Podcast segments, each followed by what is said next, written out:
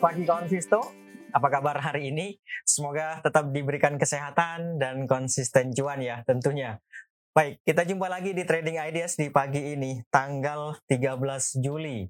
Dan seperti biasa, sebelum kita membahas tentang ide-ide trading, ada baiknya kita review dulu pergerakan IISG di perdagangan kemarin. Ya, kemarin indeks mampu ditutup uh, sorry, ditutup melemah berada di level 6718 atau melemah tipis ya sebanyak 3,8 poin. Tipis banget.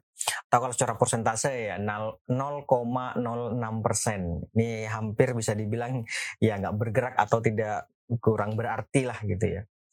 Nah, emang sih di awal perdagangan indeksnya itu mampu dibuka menguat kemudian sempat mengalami tekanan jual, tetapi lebih banyaknya indeks di peran kemarin sebenarnya uh, berada di teritori positif, lebih banyaknya. Atau uh, ya di, teri di teritori positif itu dia lebih mendominasi lah gitu ya. Nah, hanya saja memang di akhir-akhir perdagangan itu indeks mengalami tekanan jual yang membawa dia uh, memasuki teritori negatif gitu ya. Kalau di perdagangan sesi pertama indeksnya bisa dibilang fluktuatif dan kecenderungan uh, menguat terbatas atau ya sideways lah bisa dibilang seperti itu ya. Berbeda dengan dengan apa namanya uh, sesi pertama, di sesi kedua lebih banyaknya indeks berada pada kecenderungan menguat.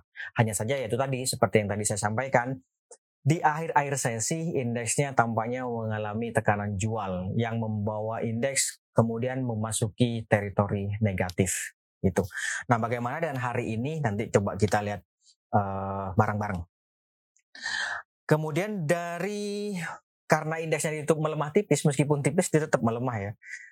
Yang membawa indeks melemah, lima besar saham yang membawa indeks melemah yang pertama ada sebentar Goto Kemudian ada Arto, Goto di perdagangan kemarin uh, melemah sebanyak 2%, sementara Artunya juga melemah sebanyak uh, eh, 5%. Jadi ini dia yang paling banyak berkontribusi terhadap pelemahan indeks di perdagangan kemarin. Kemudian berikutnya ada Telkom, ada Bank Mandiri, lalu ada MDKA. Itu dia lima besar saham yang uh, membawa indeks melemah. Sementara lima besar saham yang mencoba untuk menghambat laju pelemahan indeks itu yang pertama ada BEPS, kemudian ada BBCA kemarin BCA mampu ditutup menguat uh, meskipun nggak sampai satu persen. Kemudian berikutnya ada Adaro, ada TPIA, dan terakhir ada Astra Internasional atau ASEI. Itu dia lima besar saham yang mencoba untuk menghambat laju pelemahan indeks. Kemudian bagaimana dengan transaksi asing. Ya, di pedan kemarin asing kembali mencatatkan net sell sebanyak uh, sebentar. Net sell asing sebanyak 142 uh, bio itu secara keseluruhan ya. Kalau di pasar uh, reguler sendiri aslinya mencatatkan net sell sebanyak 200 bio, relatif tipis sih. Uh, bisa dibilang ya sedikit lah ini ya. Kemudian di pasar non regulernya aslinya mencatatkan net buy sebanyak 49 bio. Jadi uh, secara keseluruhan aslinya mencatatkan net sell masih mencatatkan net sell yaitu sebanyak 142 bio. Nah, dari net sell asing itu yang di uh, pasar reguler itu saham-saham apa saja sih yang banyak dijual oleh asing? Yang pertama ada Bank BNI, kemudian ada Harum, ada Bumi, lalu ada Buka, dan ada uh, United Tractors. Itu dia lima besar saham yang banyak dijual oleh asing. Termasuk di antaranya ada Antam, kemudian ada Pegas, tapi itu 10 besarnya ya. Nah itu dia uh, yang banyak dijual oleh asing. Sementara sebaliknya saham-saham yang banyak dibeli oleh asing. Lima besarnya yaitu ada ITMG, Bank Mandiri, kemudian ada uh, eh, PTBA, Semen Gresik, ada Semen Indonesia, kemudian ada Unilever. Itu dia lima besar saham yang banyak dibeli oleh asing. Termasuk di dalamnya ada Telkom. Nah, Telkom juga merupakan salah satu uh, saham yang banyak dibeli oleh asing. Oke, itu dia transaksi asing. Bagaimana dan outlook hari ini? Iya, sekarang kita ke sini. Ya, kalau melihat pergerakan IHSG di perdagangan kemarin, ini kan sebenarnya meskipun dari ditutup melemah, sempat juga bergerak menguat. Bahkan sebagaimana tadi saya sampaikan, sebenarnya indeks lebih banyak uh, berada di teritori positif. Hanya saja kemudian di akhir-akhir sesi dia mengalami tekanan jual yang cukup uh, dalam, yang membuat dia mengalami apa pelemahan. Nah dari ini tampak sekali kan uh, mengalami konsolidasi dan belum mampu untuk men, atau bergerak melewati MA 200-nya ini dan ini berpotensi membawa ISG kembali mengalami koreksi atau melanjutkan konsolidasinya dengan bergerak cenderung melemah. Jadi hari ini diperkirakan akan kembali bergerak fluktuatif kurang lebih seperti kemarin. Kecenderungannya masih melemah terbatas. Bisa saja di awal dibuka menguat, kemudian uh, kembali ditutup melemah atau seiring dengan berjalannya waktu penguatannya cenderung menipis gitu ya itu dia untuk IHSG-nya. Ring pergerakan diperkirakan masih sama yaitu di 6680 sampai dengan 6760 relatif tidak berubah karena kemarin hanya uh, pelemahannya kan tipis banget ya, minus hanya 3 poin. Itu dia untuk uh, eh, ISG. Kemudian sekarang kita ke ide trading. Barangkali ada ide trading yang mau didiskusikan, boleh disampaikan. Nanti kita lihat bareng-bareng. yang pertama ada, sebentar. Kita lihat dulu. Yang pertama ada Wika. Oh iya, Wika gimana kemarin ya? Nah ini dia Wika. Ya, Wika kemarin mampu di YouTube menguat dua poin dan saya pikir ini uh, masih memberikan peluang untuk berlanjut menguat. Uh, ini rekomendasinya kembali spekulatif buy bisa dipertimbangkan untuk spekulatif buy boleh di 900 sampai dengan 915. Yang jelas sampai dengan saat ini dia masih mencoba nih ya kalau saya uh, mudah-mudahan kelihatan. Nah, gila gini ya. Kelihatan kan? Sampai dengan saat ini dia masih mencoba untuk bertahan di atas ini nih kawan, 895. Ya idealnya sih di 895, tapi 895 ke 900 kan uh, beda tipis lah. Oke lah 895 sampai dengan 915 itu spekulatif buy di situ boleh juga.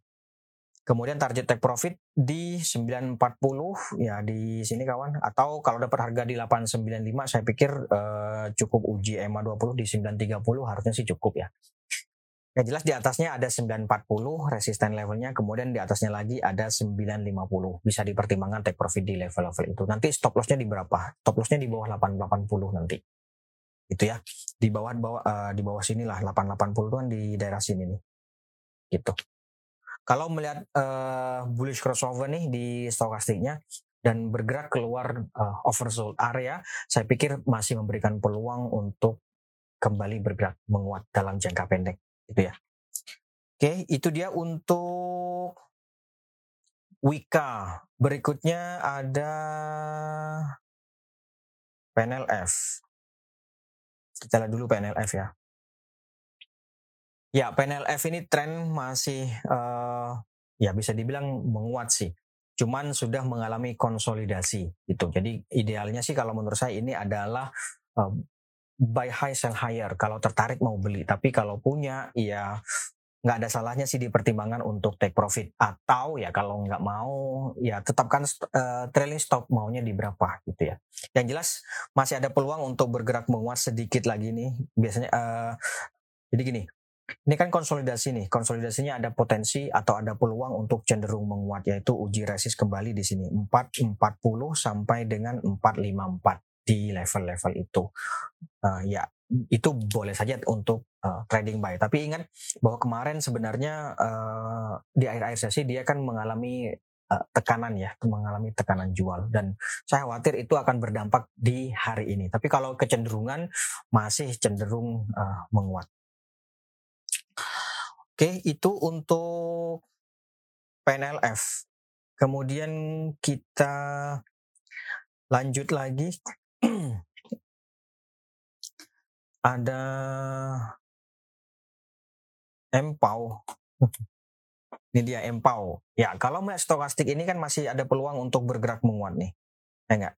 Saya geser ke atas ini. Nah, ini. Jadi ini spekulatif buy.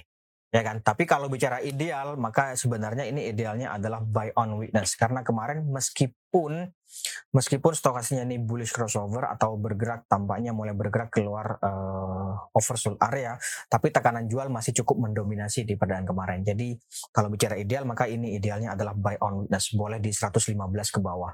Ya 113 sampai 115 itu bisa di level-level itu. Nanti stop lossnya di bawah 110 atau di bawah 109 lah kalau dapat harga di 113, 115, maka stop lossnya di bawah 109 gitu ya. Tapi kalau misalnya mau spekulatif buy pun sebenarnya boleh gitu ya kalau melihat stokastik ini, tapi nggak usah full power sih. Uh, jadi money manajemennya mungkin cicil dulu lah katakanlah seperti biasanya kan orang bilangnya cicil dulu nah gitu. itu bisa saja atau strategi yang ketiga adalah buy on breakout. Misalnya hari ini dia bergerak menguat di atas 119, saya pikir bisa saja untuk trading buy. Nanti target take profitnya ya 122, nggak usah jauh-jauh. Dapat harga 120, jual 122 gitu. Harusnya sih uh, untung sih, masalah cukup itu nanti uh, dihitung apa namanya berbeda ya masing-masing orang. Yang jelas kalau bicara ideal, maka ini idealnya adalah buy on weakness. Tapi boleh juga spekulatif buy atau alternatif ketiga adalah buy on breakout. Gitu ya. Resisten levelnya ada di 122 tadi. Di atasnya ada 124 ya, 122 124. Itu yang terdekat. Oke, itu untuk empau. Kemudian berikutnya ada energi. Dia energi sebentar. Uh, oke okay. iya. Kalau bicara ideal maka ini idealnya adalah buy on breakout di atas 254 tapi kemarin kan closingnya 236 236 ke 254 itu kan masih ada uh, spread yang lumayan gitu ya. Tapi masalahnya begini. Kemarin dia sempat uji resist Ya, nih digedein dulu deh. Nah, gini ya. Kemarin sempat dia uji resist di 254 ya kan hanya saja belum mampu untuk melewatinya dan kemudian mengalami tekanan jual jadi ini bisa dibilang nih ini bisa dibilang uh, shooting star tapi meskipun nggak sempurna ya shooting starnya gitu ya. Yang jelas tekanan jual cukup mendominasi di perdana kemarin. Sempat dibuka menguat, kemudian bergerak menguji resistance level yang ada di 254 hanya saja kemudian mengalami tekanan jual. Dan saya khawatirnya tekanan jual itu atau kegagalan harga melewati 254 dan juga bersama dengan tekanan jual yang ada itu akan membawa harga untuk mengalami setidaknya mengalami konsolidasi menuju support level yang ada di 230 paling dekatnya di situ 230 kemudian di bawahnya ada 222 222 boleh juga ya. Ya atau 220 lah gampangnya gitu ya. Atau 2222 ya itu lebih gampang lagi ya. Oke. Nah ini dia. Jadi dia meskipun sebelum sehari sebelumnya dia bergerak di atas EMA 20 hanya saja dia kan belum mampu nih bertahan di atas EMA 20 idealnya buy on witness gitu aja deh. Biar nggak ribet-ribet. Idealnya buy on witness 222 sampai dengan 2 berapa ini? 230. 222, 230 di level-level itu. Kalau dapat harga di uh, 222 atau bahkan dapat harga di 230, saya pikir 246 sudah bisa dipertimbangkan untuk take profit atau ya di atasnya uh, 254. Yang jelas supportnya sudah saya sebutkan tadi, resistance level terdekatnya ada di 246 kemudian 254. Oke. Itu untuk energi. Kita lanjut. Ada lagi BBYB. Oke, ini dia BBYB. Ya, BBYB di perdana kemarin ditutup melemah tipis, sempat memang uh, bergerak menguat, hanya saja kemudian ditutup melemah di akhir-akhir sesi dan tampaknya harga masih mengalami konsolidasi bahkan juga sempat menguji uh, support level yang ada di 1180 ya, ya kan tetap belum mampu untuk melewati support level terdekat itu yang jelas uh, support terdekatnya itu ada di 1180 buy on witness ya boleh saja buy on witness di level-level itu Uh, atau kalau hari ini harga bergerak menguat di atas 12.50 bisa sih trading buy. Boleh dipertimbangkan untuk trading buy. Nah, target profitnya di sini kawan. 13.25. Gitu ya. Kalau kalau harga hari ini mampu menguat di atas 12.50, setidaknya di atas itu atau ya lebih konfirmnya sih di atas 12.70. Tapi bolehlah di atas 12.50. Maka target take profitnya ada di sini nih. 13 uh, tadi berapa? 13 25 atau 13 15 13 15 13 25 itu di di level-level itu boleh. Kalau uh, lebih suka buy low sell high maka menurut saya mending buy on weakness saja. 1180 di level-level itu gitu ya. 1180 atau di bawahnya uji EMA 20 ini yaitu di uh, berapa ini? Ya 1150 sampai 1180 sih di level-level itu. Oke itu untuk BBYB misalnya sudah punya boleh dipertimbangkan uh, pasang trailing stop. Entah itu support level entah itu persentase, entah itu poin gitu ya. Oke. Kita lanjut. Ada lagi Goto. Nah, ini dia Goto. Ya, Goto kembali ditutup melemah di badan kemarin uh, yang membawa indeks melemah cukup dalam, bukan cukup dalam sih, yang menjadikan indeks berada di teritori negatif ternyata Goto gitu kan. Tadi kan lagatnya. Nah, kalau melihat ini maka saya pikir masih ada potensi untuk bergerak melemah. Idealnya sih bukan bukan ideal ya. Ya cukup ideal lah buy on weakness di 320-an di yang merah ini kawan. Gitu. Atau kalau tertarik saya mau beli nih ya gitu. Uh, masa iya nunggu di situ. Lebih pasnya sih menurut saya ini malah buy on breakout jadinya gitu ya. Kalau misalnya ya 38 ya hari ini dia bergerak menguat di atas 338, boleh saja dipertimbangkan untuk trading buy atau spekulatif buy. Nanti uh, target take profitnya ya di sini nih kawan, uji EMA 20-nya, yaitu ada, uh, sorry, uji EMA 50, yaitu ada di 350-an. 350, cukup nggak?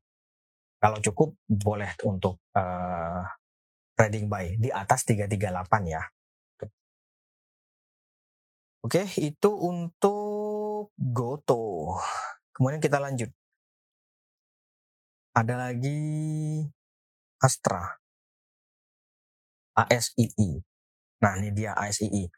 Ya, ASII kemarin mampu ditutup menguat, sempat juga uji MA 200 di 6000 berapa? 6150 ya. 6150. Belum mampu untuk melewatinya. Nah, kalau melihat stokastik yang cenderung menguat ini, saya pikir masih ada peluang sih untuk melanjutkan penguatannya. Gitu. Jadi, uh, cuman kalau bicara ideal, ya bicara ideal ini adalah buy on breakout di atas 6150. Bisa dipertimbangkan di level itu. Nanti target take profitnya di berapa? Kalau dapat harga di 6150, saya pikir 6 6300 cukup nggak? Yang jelas resistance levelnya uh, eh, 6300, kemudian di atasnya ada 6450. Di level-level itu uh, bisa dipertimbangkan untuk uh, take profit gitu ya. Kalau misalnya hari ini dia bergerak melemah atau belum bisa nih di atas 6150, mending ya tunggu aja dulu. Saya khawatirnya kalau dia gagal di atas 6150 melanjutkan konsolidasi dengan kecenderungan melemah yaitu bisa saja uji support yang ada di 5900 bahkan uji uptrend line yang ada di sini nih yaitu 5800 5800 sampai 5900 itu kalau strateginya uh, lebih cocoknya strategi dengan strategi buy low sell high ya di level-level itu nunggunya. Itu ya. Kalau strateginya buy high sell higher maka buy on breakouts di atas 6150 itu untuk SII kita lanjut lagi. Ada BBNI Nah ini cukup menarik BBNI sampai dengan saat ini dia masih konsolidasi dan tampaknya mencoba untuk bertahan di atas 7400. Jadi saya pikir bisa saja spekulatif buy 7400, 7450 itu spekulatif buy di level-level itu oke. Okay. Atau kalau hari ini dia bergerak menguat di atas 7625 itu bisa saja untuk spekulatif buy atau trading buy. Nanti target take profitnya ya di sini kawan sekitar 7 uh, 975 atau 8000 Oke, itu untuk BI. Kita lanjut ya. Ada Antam.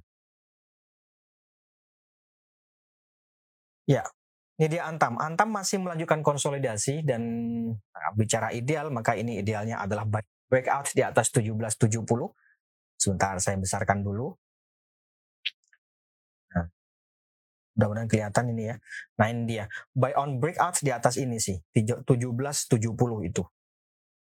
1770. Tapi kalau melihat MACD yang Golden Cross kayak gini-gini nih, kemudian ini juga stokastiknya, saya pikir bisa saja spekulatif buy. Kalau mau spekulatif buy ya 1720 sampai 1740 di level itu.